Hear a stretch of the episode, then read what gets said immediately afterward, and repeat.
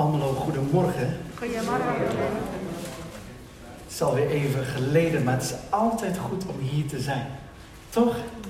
Ik hoop dat jullie er ook zo over denken. Ja. Dat het altijd goed is om hier te zijn. Zeker als je onder het woord kan komen. En het woord heeft iets in zich. En het woord, dat weten we inmiddels, dat is een persoon. En zijn naam is Jezus.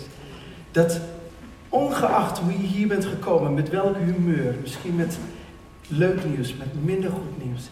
Het woord is in staat om iets in je hart te bewerken, waardoor je bemoedigd wordt, geïnspireerd wordt. En Paulus zegt ook in 1 Corinthians hoofdstuk 14 dat, dat eigenlijk als we bij elkaar komen, dat we de gemeente moeten opbouwen. En ik denk dat ehm, het is altijd goed om elkaar op te bouwen, maar als je ziet de ontwikkelingen in de maatschappij, dat een x aantal dingen en thema's die het leven aangaat onder druk staat, dat die thema's onder druk staan, dat het altijd goed is dat er een plek is waar je wordt opgebouwd. Ja. Dat er een plek is waar je sterk wordt gemaakt. Ja. Dat er een plek is waar duidelijkheid is. En dat vraagt soms van ons een rechte rug. Alleen die rechte rug kunnen we niet op basis van eigen kracht. Dat kan alleen maar als je gefundeerd bent in het woord van God. En de Heilige Geest die in jou woont om echt krachtig te zijn. En dat betekent niet altijd dat je je gelijk moet halen. Dat betekent ook niet altijd dat ze je gelijk geven. Maar wat wel belangrijk is, dat je voor jezelf weet dat je in de waarheid staat. En de waarheid maakt nog steeds vrij. En het maakt ons niet alleen vrij, het houdt ons ook vrij. Oké, dus dat is ontzettend belangrijk. En ik, wat ik vanochtend wil gaan doen is, ik wil uiteraard het woord met jullie gaan openen. Maar ik wil ook heel erg vanuit mijn hart spreken, omdat ik geloof dat God een woord heeft voor jou. En, en vanochtend kwam eigenlijk pas de titel tot mijn hart. En de titel die klinkt als volgt. Een oplossing zit in een klein hoekje. En we kennen het veel meer dat een ongeluk zit in een klein hoekje, toch? Maar we zien vaak in onze mindset dat we veel meer ongelukken zien dan dat we oplossingen zien. En ik geloof dat als we beginnen te denken zoals God denkt, dat er bij God dat er een oplossing zit in een klein hoekje. Kijk, Mozes wist niet dat de oplossing zat dat hij zijn hand en zijn staf in zijn hand moest uitstrekken om de Schelzee open te splijten. Het was een groot probleem, alleen de oplossing zat in een klein hoekje. Toch of niet? Ja. Het zit echt in een klein hoekje en als we God kennen en leren kennen, dan krijg je zoveel energie dat er hoop is voor morgen, ongeacht je situatie. Kan iemand amen zeggen? Amen. Ja, zullen we het woord open gaan, openen? Gaan we naar 2 Koningen hoofdstuk 4. En ik weet zeker dat velen van jullie dit verhaal wel kennen, maar toch wil ik hem even lezen. Dat gaat over de olie van de weduwe. En ik ben nog vrij old school, dus ik lees vanuit de NBG-vertaling. Ehm, dus 2 Koningen hoofdstuk 4, de olie der weduwe. Althans, dat is de titel als je de NBG-vertaling gebruikt. En ik ga deze versen even allemaal lezen. En schrik niet, het zijn er maar zeven, dus we zijn er zo doorheen. Oké, is goed te weten. En er staat in vers 1: Een van de vrouwen der profeten riep tot Elisa om hulp en zeide: Uw knecht, dat is mijn man, die is gestorven. En gij weet zelf dat uw knecht de Heere vreesde. En nu is de schuldeiser gekomen om mijn beide kinderen als slaven voor zich weg te halen. En Elisa vroeg haar: Wat kan ik voor u doen? Vertel me wat gij in uw huis hebt. En zij antwoordde: Uw dienstmaagd heeft niets in huis, behalve een kruikje olie. Toen zeide hij: Ga heen, vraag buitenshuis vaten van al uw buren, ledige vaten. Laat het er niet weinige zijn. Oftewel, zorg dat je er veel krijgt. Ga dan naar binnen, sluit de deur toe, achter u en, en achter uw zonen en giet in al die vaten. En wat vol is, moet ge laten wegzetten. Zij ging van hem weg, sloot de deur achter zich en haar zonen toe. Deze plaatsten steeds de vaten bij haar en zij goot steeds door. Toen de vaten vol waren, zeide zij tot haar zoon: Breng mij nog een vat. Maar hij zeide tot haar: Er is geen vat meer. Toen hield de olie op te stromen. Zij ging met de man Gods Zij ging het de man Gods vertellen en deze zeide, ga heen, verkoop de olie en betaal uw schuld en leef met uw zonen van het overige. Ehm, als je in diverse kerken spreekt en als je na de diensten mensen spreekt, dan kom ik eigenlijk steeds meer achter dat ja, we geloven echt in God. Daar twijfel ik geen moment aan. We geloven echt in God. Alleen ik kom er ook steeds meer achter dat we soms de Bijbel steeds meer gaan lezen als een verhalenboek. Hartstikke mooi voor deze weduwe en het is een mooi verhaal, maar het is niet voor mij. En ik wil eigenlijk opnieuw benadrukken dat de Bijbel is geen verhalenboek. Het is een boek waar verhalen in staan en deze verhalen zijn ook voor jou anno vandaag. Omdat namelijk degene waar het over gaat, de Bijbel, wijst naar Jezus zelf. Als Jezus dood was gebleven, dan was het een verhalenboek. Maar de Bijbel leert ons dat hij is opgestaan uit de doden. Dus daarom is dit geen verhalenboek. Dit is een levende boek. Dit vertelt iets over de persoon dat wat God heeft gedaan voor deze weduwe, kan hij vandaag ook voor jou doen. En nee, misschien hoef je vandaag geen vaten te vragen bij je buren.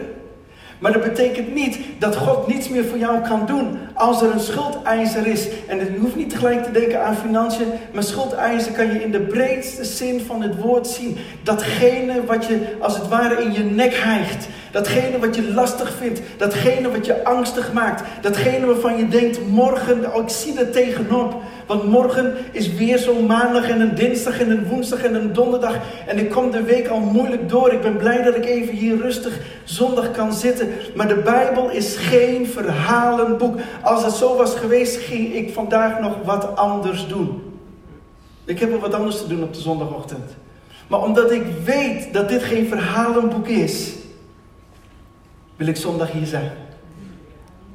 Om je te vertellen dat Jezus de levende God is.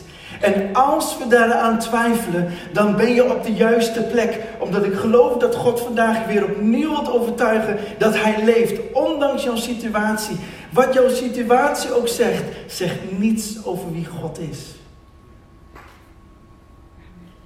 Amen. Dat kunnen we soms als anders ervaren, maar ik ervaar zo dat God op mijn hart legt. Dat jouw situatie vertelt niets over wie God is. En ik wil heel even dat wat we hebben gelezen, een paar dingen wil ik aantikken van hoe kunnen we dit nou vertalen naar ons. Weet je, even naar 1 Corinthians hoofdstuk 14, hoef je niet op te zoeken, maar dit is wat Paulus zegt. Jaag de liefde na en streef naar de gave van de geest. Zo begint hij in 1 Corinthians hoofdstuk 14. Daarvoor heeft hij gesproken over liefde. Wat ik eerst wil zeggen is dit. De geestelijke gaven functioneren niet optimaal als er geen liefde is. Ik kan het ook anders zeggen. De geestelijke gaven fungeren optimaal en fungeren zoals God het heeft bedoeld om de gemeente op te bouwen als het geworteld is in liefde. Zo zou ik het ook kunnen zeggen. Want Paulus zegt: jaag de liefde na en streef naar de gaven van de geest. Waarom zeg ik dat? Deze vrouw ging naar een profeet. En de profeet sprak een profetisch woord. 1 Corinthians 14 gaat over spreken in tongen in de juiste orde en gaat over profetieën. En profetie is niet zozeer dat je alleen maar moet verkondigen wat de toekomst zegt, maar profetie betekent ook opbouwen. Het zij vermanend, het zij bemoedigend, het zij inspirerend, maar als we bij elkaar komen, bouwen we elkaar op. Dat is wat Paulus zegt. En hij zegt eigenlijk dat als je in tongen spreekt, dan moet het zo zijn dat we eigenlijk in eenheid akkoord vinden, dat we in tongen spreken en dat er geen mensen van buitenaf zijn, want die zullen zeggen, wat spreek je raar. Maar als je alleen bent, dan zou je in tongen kunnen spreken, omdat de Bijbel zegt, degene die in tong spreekt, die bouwt zichzelf op. En ik geloof namelijk, je moet jezelf opbouwen voordat je iemand anders kan opbouwen. Dat is mijn persoonlijke overtuiging. Wat ik zie in 1 Corinthians hoofdstuk 14. Terug naar 2 Koningen hoofdstuk 4. Dus die vrouw zegt, ik heb een probleem. en er komt een profetisch woord, komt haar leven in.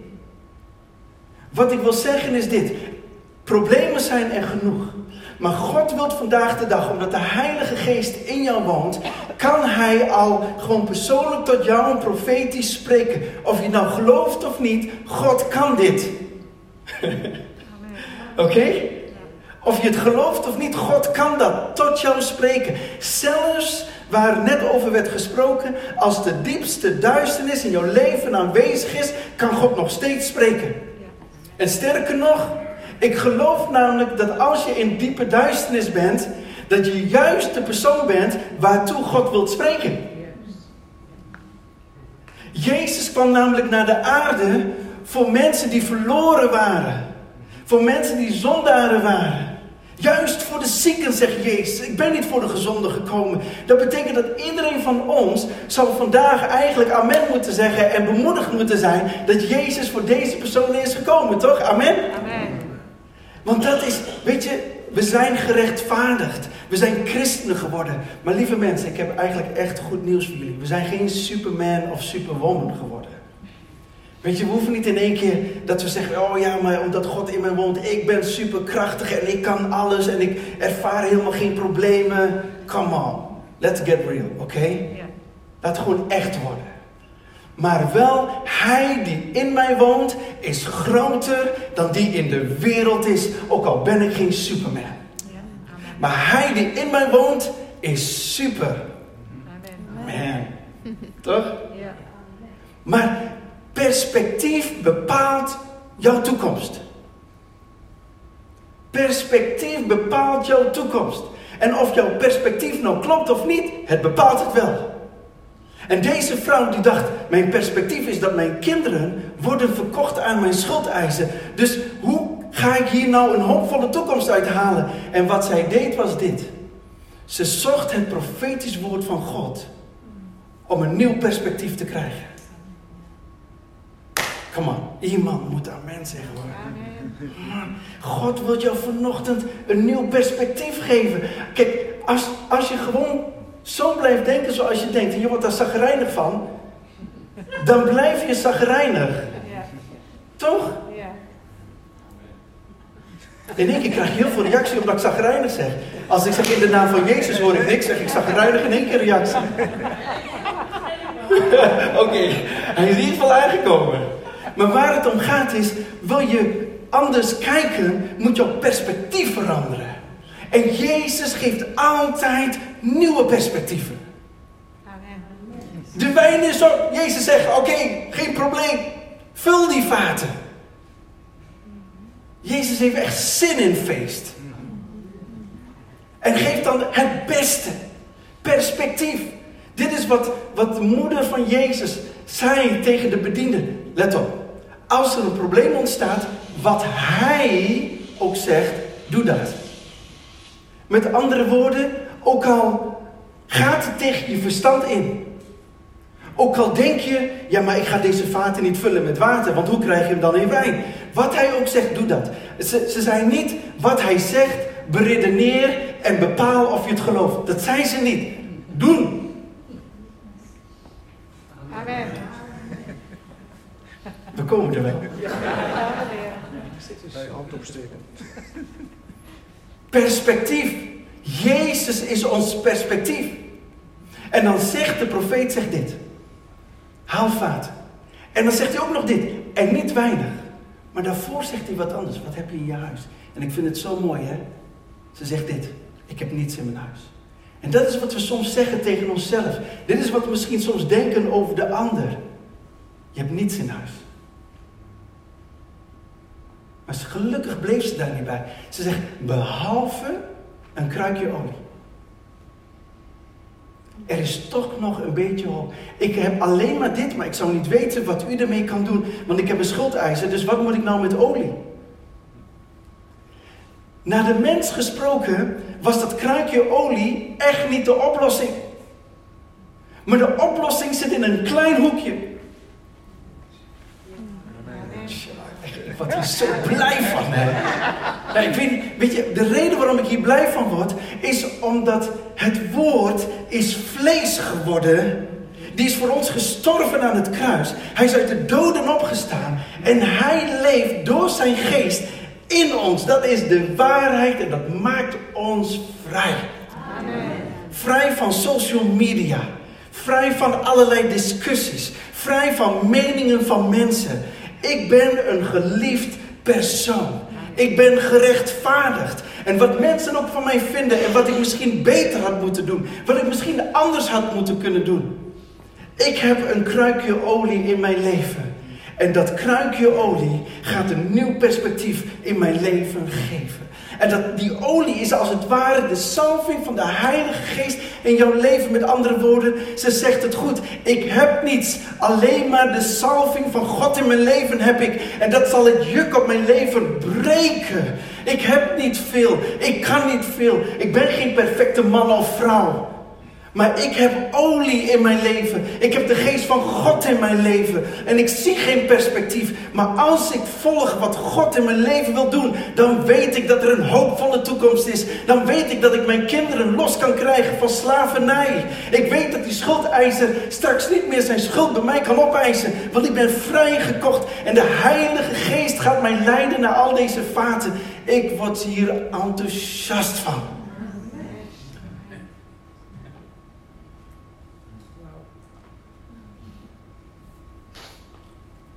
En dit is wat ze doet. Ze gaat vaten halen. Hier komt iets wat ik jullie mee wil geven. Is hoe zij reageert op het profetisch woord. Want zowel in jou en in mijn leven is het mogelijk dat een profetie in je leven komt. Of God spreekt tot jou door een lied. In je eigen gebedsleven. Letterlijk door een profetie van iemand die dat aan jou wil doorgeven. Via de WhatsApp. Iemand zegt, hé, hey, ik heb echt op mijn hart om dit aan je door te geven. Dat we het soms zeg maar ontvangen en uh, wel zeggen dankjewel en wat bemoedigend. Maar we zijn nog geen twee uur verder en we zijn het al vergeten. En even onder ons niet doorvertellen. We geloven er echt helemaal geen hout van. Ik weet niet hoe dat bij jullie is, maar zo is dat soms bij mij. Dat ik echt, ja, tuurlijk. Hoe dan? Ken je dat? Hoe dan? En dan denken wij het beter te weten dan God. Maar deze vrouw niet. Zij doet letterlijk wat de profeet zegt. Dus ze gaat vaten halen en de profeet zegt, als je dan vaten gaat halen, niet weinigen. Oftewel veel. Mooi hè, de Bijbel is altijd een beetje andersom. Zegt maar goed, gelijk haal veel vaten. Dus ze moest veel vaten halen. Weet je, onze reactie zou ook kunnen zijn: oké, okay, er komt een profetie in mijn leven, zou hartstikke mooi zijn. Um, we doen een beetje half om half, want eigenlijk geloof het wel. Maar aan de andere kant ook niet. Dus omdat we het niet helemaal geloven, zijn we daar heel lui in. En dat stukje dat we wel geloven, halen we een klein beetje vaten. dus in plaats van dat je 100 vaten kon halen, doe je 50. Want ja, stel je voor dat het niet echt van God is, dan heb je ook niet 100 vaten hoeven te halen. Dat is jammer van de energie. Toch? Ja. Ik weet niet hoe jullie hier in Almelo denken, maar jullie kijken me aan zo van, daar hebben wij helemaal geen last van. Daar hebben wij geen last van. Maar deze vrouw gaat gewoon vol energie. Let op, hè, er is geen perspectief, hè, want die twee zonen van haar, die haar zonen zouden verkocht worden. Ik bedoel, het is niet vijf voor twaalf, het is eigenlijk vijf over twaalf. Maar ze gaat vol energie en ze haalt alle vaten. En ik denk dat dat is wat God wil doen. Van, hé, hey, hoeveel vaten wil jij vandaag nog gaan verzamelen voor jouw profetie? Hoeveel? Als ik tegen jou heb gezegd dat ik je groot wil gebruiken en machtig wil gebruiken, wat is jouw definitie van groot en machtig? Omdat we heel vaak God benaderen vanuit onze eigen referentiekader, terwijl de referentiekader moet zijn het woord van God. Dat moet, dat moet onze referentiekader zijn, toch? Amen? Amen. Oké. Dan gaat ze dat doen en dan begint ze olie te schenken. Maar zij wist toch helemaal niet wat er ging gebeuren? Er staat niet dat ze zegt, oh ja, en ik weet dat als ik heel veel vaten heb, dat als ik dan ga gieten, dat het helemaal niet ophoudt. Dat staat er niet. Er, er, zit zoveel geloof in deze vrouw. Want alles wat ze had was geloof. Ze kon niet anders. Maar een beetje olie van de Heilige Geest is alles wat je nodig hebt. Geloof komt namelijk niet op basis van eigen kracht. Romeinen 10, vers 17 zegt: Het geloof komt door het horen. Het horen van het woord van Christus. Niet door het horen van je eigen mening. Niet door het horen van de mening van iemand anders. Niet door het horen van social media. En zelfs niet door het horen van de wetenschap. Met alle respect voor alle stemmen die hier op aarde zijn. Maar het werkelijke geloof van God komt alleen maar door het horen van het woord van Christus zelf. Amen. Er is niks anders. Als u dat kan laten zien, dan wil ik graag zien waar dat staat. Maar dit is wat het woord zegt. Daarom maakt het woord ons niet alleen vrij, het houdt ons ook vrij. Amen. Vervolgens begint ze te gieten. En je moet je gewoon even voorstellen, hè? Je hebt een klein beetje olie. Laten we gewoon even van 100 vaten uitgaan. Gewoon leuk, weet je, gewoon voor het beeld. En je hebt een klein beetje olie en denk je, oké, 100 vaten, klein beetje olie. Nou, ze zal wel gezegd hebben tegen haar zonen, daar gaat hij. En ze begint te handelen. Ze doet een natuurlijke handeling om de olie in de vaten te gieten. En tot haar verbazing blijft het stromen. Ik kan me voorstellen dat ze ook even elkaar hebben aangekeken. Nogmaals, dit verzin ik even. Hè? Niet dat jullie zeggen, ik heb dat helemaal niet gelezen in het woord. Nee, dat klopt. Dit verzin ik even duidelijk. Dat ze elkaar aankeken en zeiden, wat gebeurt hier? En eerste vat raakt vol en zegt, oké, volgende. En na twee, drie vaten denkt ze van, nou, dit werkt. En weet je wat er gebeurt? Ik kan me voorstellen dat ze denkt, maar als al die andere 97 vaten gevuld worden, ik weet de waarde van olie. Er gaat iets gebeuren in haar mindset. Er komt een ander perspectief. Want vat 3 en vat 4 en vat 5 wordt gevuld. En ze krijgt geloof voor 100 vaten. En tot haar verbazing, ik kan me ook voorstellen dat hij heeft gezegd tot een van die zonen: Hendrik, ga je er nog een paar andere halen? Want, en dat, dat hij misschien is gaan zoeken en heeft gezegd: Ja, eh, er zijn geen vaten meer. Al wandelende met God begint je perspectief te veranderen. Dat dat klein beetje olie wat je had, is in staat om zoveel vaten te vullen als je hebt. Laten we elk vat zien als een probleem. Dat als de olie van Gods geest nederdaalt op jouw problemen en je hebt er honderd en je had maar een klein beetje olie, dan zeg je op maandag aan het eind van de avond, oh, dat ik dit heb meegemaakt met God. Ik ben meer dan overwinnaar. Kom maar op met dinsdag. En dan ga je weer. En kom maar op met woensdag. Ben je naïef, Melvin? Nee. Maar ik ben hier niet om te vertellen wat je al weet. Ik ben hier om te vertellen dat God die in je woont een levende God is. En oneindig veel meer kan doen dan we bidden of beseffen.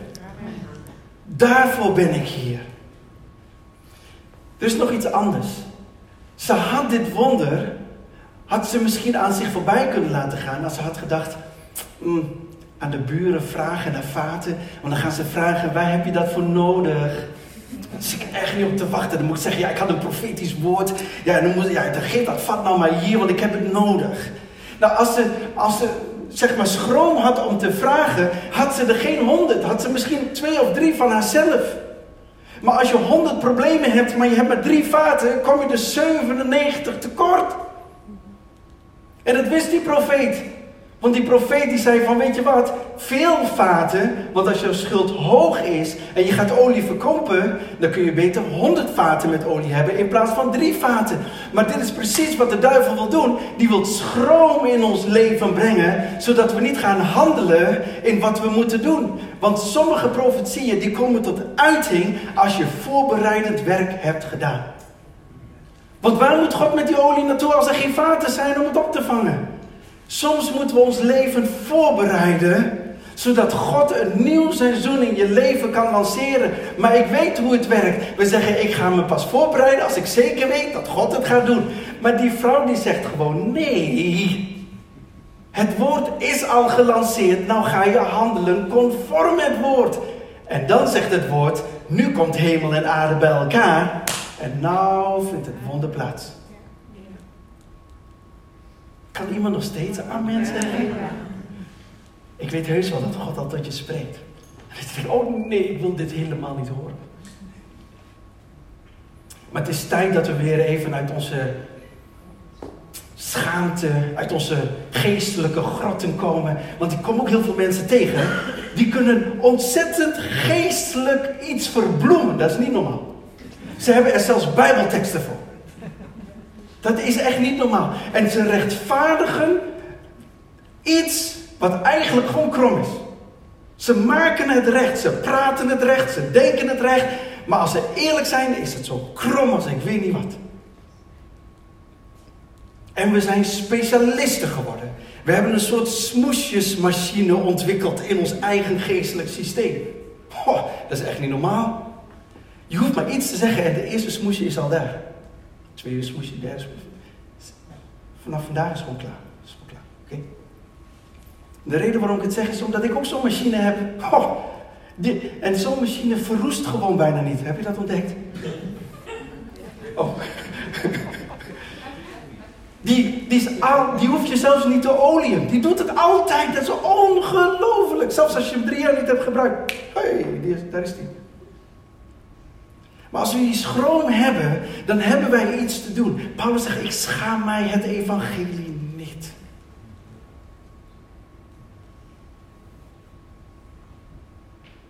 Vervolgens wordt het gevuld. Het wordt verkocht. En ze kan daar haar hele schuld mee betalen. Wat ik wil zeggen, haar gehoorzaamheid en haar actie is zo relevant. Dat ik je dat ook wil. Sorry, ik, ben, ik, ik geef ze echt een hele moeilijke tijd, ons mediateam. Uh, sorry voor degenen die thuis kijken. Maar ik ben helemaal enthousiast. Ik vergeet de camera omdat ik geloof dat God iets wilt lanceren wat voor jou bestemd is. Weet je, want ik wil als je naar huis gaat, dat je iets hebt waarvan je zegt, Heer, ik heb uw woord gehoord en ik worstel daarmee, maar ik heb lust om het weer op te pakken. Weet je, je bent hier ook niet gekomen om, ah, ja, morgen, en dat je ook zo weer naar huis gaat. Dan zou ik zeggen, blijf lekker thuis joh. Blijf lekker thuis. Ik wil dat je hier komt en dat je zegt, oh. en als je naar huis gaat, dat we gewoon Polonaise op anderhalve meter afstand naar buiten gaan. Want de Polonaise ook nog wat langer van, is nog indrukwekkender. Weet je, want daarvoor ben je hier. Je bent hier niet om zaggerijnig binnen te komen en nog zaggerijniger naar huis. Daarvoor ben je hier niet. Je bent hier om bemoedigd te worden. Je bent hier op, om opgebouwd te worden. En ik weet heus wel hoe het werkt met bolwerk in onze mindset. Dan zeggen ja, ja, dan kunnen we zeggen wel, maar zo werkt het niet in mijn leven. Ik, ik snap dat. Ik snap alle hakken die in het zand gaan, dat snap ik ook. Maar weet je, als je echt open staat voor het werk van God, dan zal de Heilige Geest jou uit dat zand gaan halen. Want ik weet heus wel, wat diep in jouw geest wil je echt wel God dienen, hoe zagrijnig je net ook keek. Je wilt God gewoon dienen. Maar ik ben hier om iets te openbaren, zodat die duivel geen grip heeft op jou. Maar dat Gods geest grip heeft op jou. Daarvoor ben je hier. Daarvoor is hij aan het kruis gegaan. Daarvoor heeft hij jou een roeping gegeven. Daarom heb je gaven en talenten gekregen. We zijn niet christen geworden om vervolgens totdat Jezus terugkomt zagrijnig hier rond te lopen. En dan tegen de mensen zeggen, oh het is zo leuk om christen te zijn. Dat is helemaal niet leuk als ze naar je gezicht kijken. Dat is gewoon niet leuk. Hoe kunnen we nou in de waan zijn dat dit het beste evangelie is, terwijl we de hele tijd met zo'n bak rondlopen? Dat kan toch niet? Kan niet. Maar ik meen wat ik zeg, is vanuit mijn hart en ik bedoel het opbouwend. Want soms hebben we het nodig. Want met alleen maar een aai over de bol komen we er ook niet, hè? Ik sta hier met mijn mooie schriftje, omdat er nog iets in staat. In 2 Corinthians, hoef je niet op te zoeken. In 2 Corinthians hoofdstuk 4 vers 7, daar staat dit. Maar wij hebben deze schat in aarden vaten, zodat de kracht die alles te boven gaat van God is en niet van ons. En weet je wat ik zo mooi vind? Even terug naar die vaten, die honderd vaten. Wat God van plan is met zijn olie, is om zijn kracht in jou uit te gieten, ook al voel jij je zwak. Maar dit is het. Welk vat is beschikbaar en is leeg, zodat de olie van God erin uitgegoten kan worden? Wie is beschikbaar op het moment dat je de Heilige Geest hoort van is het niet tijd om te gaan bidden? Is het niet tijd om te gaan vasten? Is het niet tijd om je te focussen op mij? Is het niet tijd om je in te zetten voor de gemeente? Is het niet tijd om in de geest op te staan? Is het niet tijd om enzovoort enzovoort? Maar dat de, de heerlijkheid van God. Paulus spreekt over de kennis van Gods heerlijkheid. Even heel plat hè. De heerlijkheid van God is eigenlijk zijn glans, zijn majesteit. Wat je mag ontvangen in jouw leven en mag weer spiegelen naar een ander. Wauw. De heerlijkheid van God is ook is dat jij vannacht een droom gaat ontvangen die je morgen met iemand mag delen. Niet ter veroordeling, maar ter bemoediging en ter opbouwing. En dat de basis waarom je deelt is liefde. En dan zegt Paulus, als liefde en geestelijke gaven bij elkaar komen, dat is werkelijke opbouw van mijn lichaam. Want omdat het lichaam van Christus een geestelijk lichaam is, heb je geestelijke instrumenten nodig om het op te bouwen. Als ik hier kom met een vleeselijk woord, worden jullie niet opgebouwd. Jullie kunnen misschien tegen mij zeggen, oh dankjewel voor het woord, vonden we echt fijn. Ondertussen denk je van, ik heb er helemaal niks aan gehad, maar dan ben ik niet uit, omdat het vanuit het vlees komt. Maar op het moment dat Gods geest iets in mij legt en ik begin het te lanceren, dan merk je dat ergens in jouw geest, boem, dan word je geraakt. En ik denk, oh ja, of dat je denkt, ik wil meer weten. Of dat je denkt, oh Heer, help, help me. En dan merk je, wauw. Maar wat ik ook geloof, is dat in de liefde van God is er geen veroordeling. Dat is wat Romeinen hoofdstuk 8 vers 1 zegt. Als wij in Christus zijn, is er geen veroordeling. We zijn vrijgemaakt door de geest des levens. Vrij van wat? Van zonde en van dood. Wauw. Paulus zegt het zo. Als, als je iemand verkeerd ziet gaan, stel hem dan terecht. Spreek hem aan. Vermaan hem en dan zegt hij dit. In een geest van zachtmoedigheid. En zachtmoedigheid is een onderdeel van de vrucht van de geest. Wat waren dat ook alweer? Liefde, blijdschap, vrede, langmoedigheid, vriendelijkheid, goedheid, trouw, zachtmoedigheid en zelfbeheersing. Oeh, zelfbeheersing, geweldig. In het verkeer wordt er echt getraind in mijn leven, zelfbeheersing. Oh.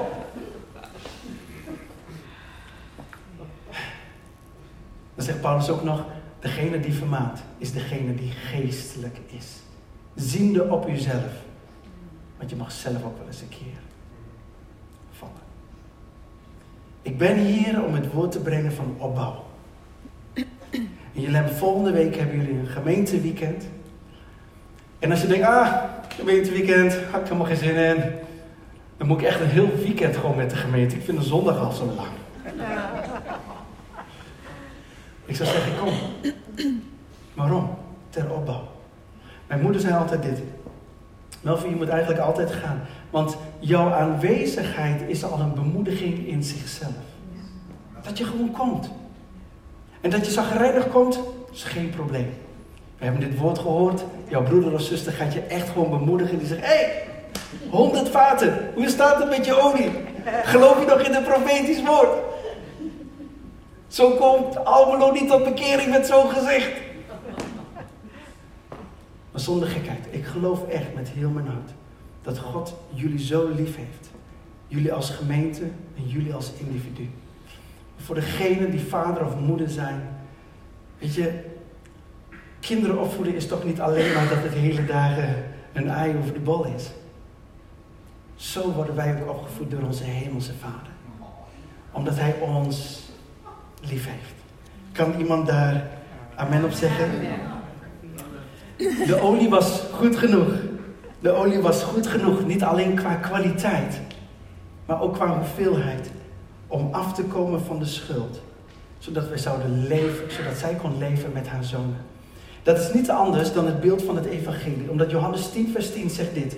De dief komt niet dan om te stelen, te slachten en te verdelgen. Maar ik, Jezus, ben gekomen om leven te geven en overvloed. Hij heeft een hoopvolle toekomst voor ons. Met andere woorden, deze weduwe kwam niet alleen af van haar schuld. Ze kreeg er tegelijk een perspectief voor de toekomst erbij.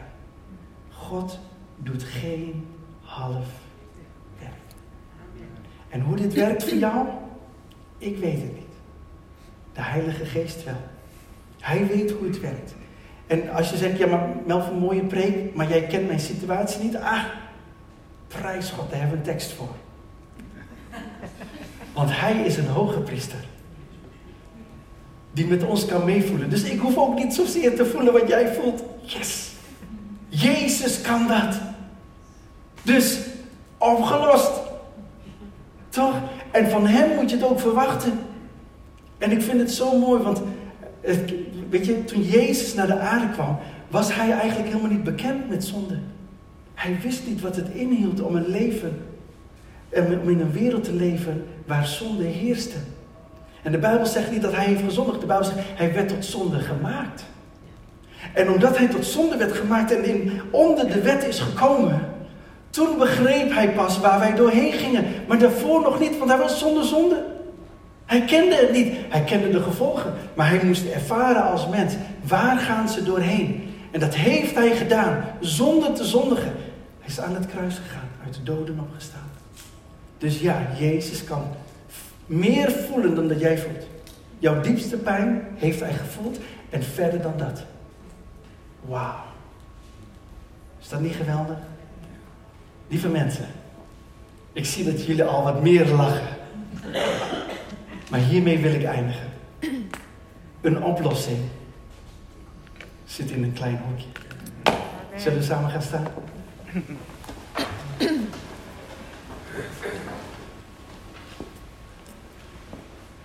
Ik hoorde Peter net zeggen, en dat bemoedigt mij, dat Peter zegt, ook als je ziek bent in je lichaam, ga straks naar iemand van een kernteam en laat met je bidden.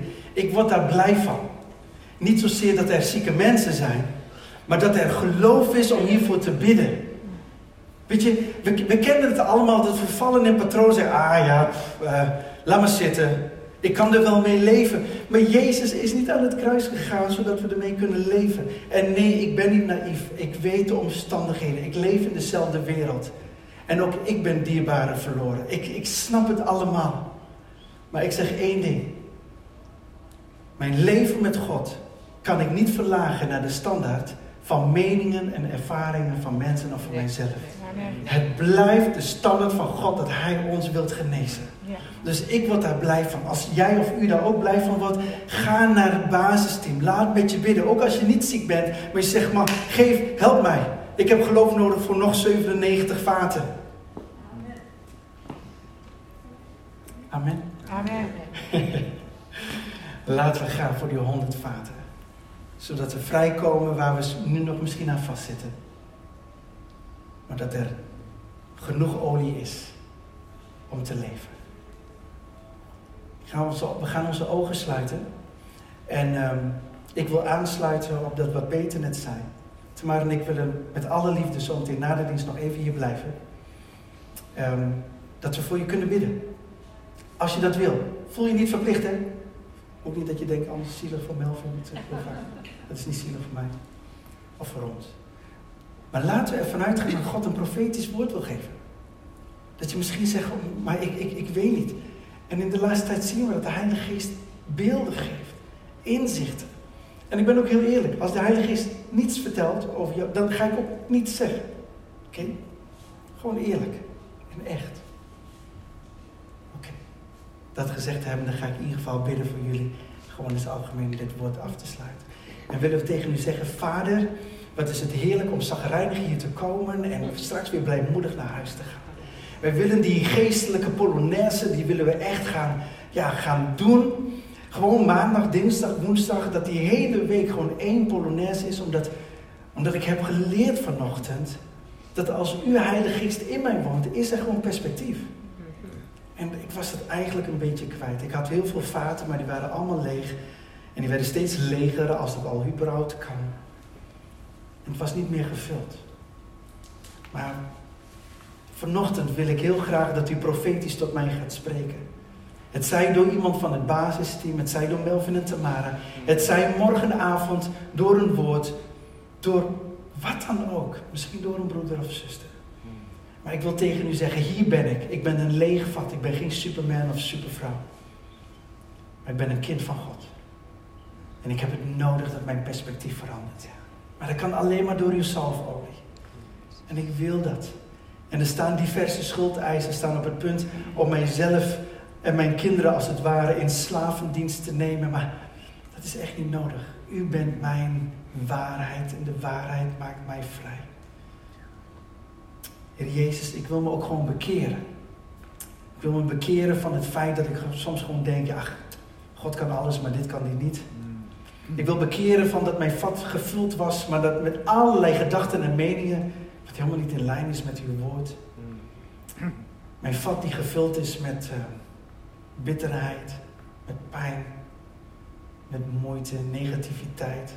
Altijd maar klagen en mopperen. Ik ben eigenlijk ook wel klaar met mezelf. En ik wil dat vat gewoon leeggooien vandaag door me te bekeren. Zeggen, Heer Jezus, wilt u komen en u bent de levende God. En wilt u mij reinigen met uw kostbare en dierbaar bloed van, al, van mijn zonde, van mijn overtreding, van mijn ongerechtigheid.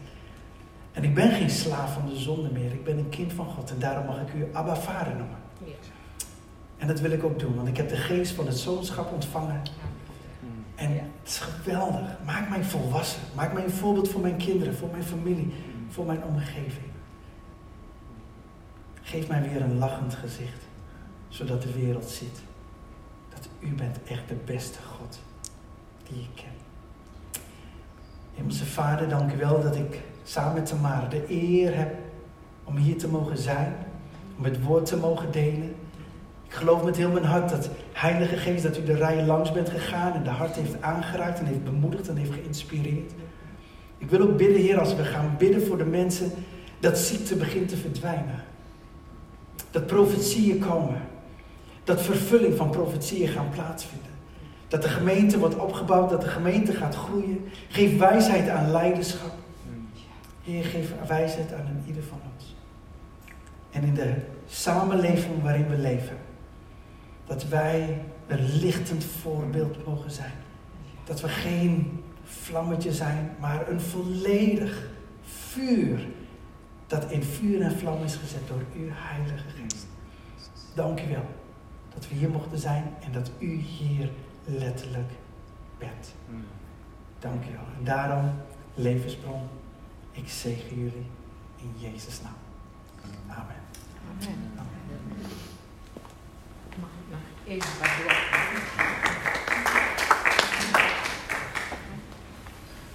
Melvin, wat een geschenk van de Heer. Dat jij hier vanmorgen was. Het onderwerp, hoeveel onderwerpen zijn er om te maken? De Heer is zo groot en het woord is groot. Wat jij vanmorgen aanhaalt, heb ik vorige week exact aan de jonge lui van 12 tot 17 over geestelijke gaves mogen maken. Wat zegt de Heer dus nu? Dat wij ook als gemeente, jong en oud, hier echt mee aan de slag moeten gaan. En daar ben ik heel dankbaar voor, want het is echt, jij mocht het aan ons brengen, ik mocht het vorige week aan de jonge lui brengen. En ze hebben het begrepen. Ook over het perspectief hebben het gehad. We hebben eigenlijk, nou het was een beetje dezelfde preek, te klein. En daar dank ik u voor. Heer, daar ben ik heel dankbaar voor. Plus, de Heer liet mij een beeld zien voor jou. Ik zag een kaars, niet een kleine kaars, maar zo'n grote ronde kaars, op een stevig ding staan. Niet dat hij zo om kon vallen. Die kaars, die brandde. Helder en licht. En dat ben jij. Die kaars wordt steeds aangevallen. Van buitenaf. Maar de Heer heeft mij laten zien, de vlam zal nooit uitgaan. Want jij bent die kaars en je bent in het volle licht en je bent stabiel. En mensen zullen het proberen, Satan zal het proberen. Maar ook al zal het een keer flikkeren, ik zag het een keertje flikkeren, dat vlammetje, het gaat nooit uit. En daar wil ik je mee bemoedigen. Dank u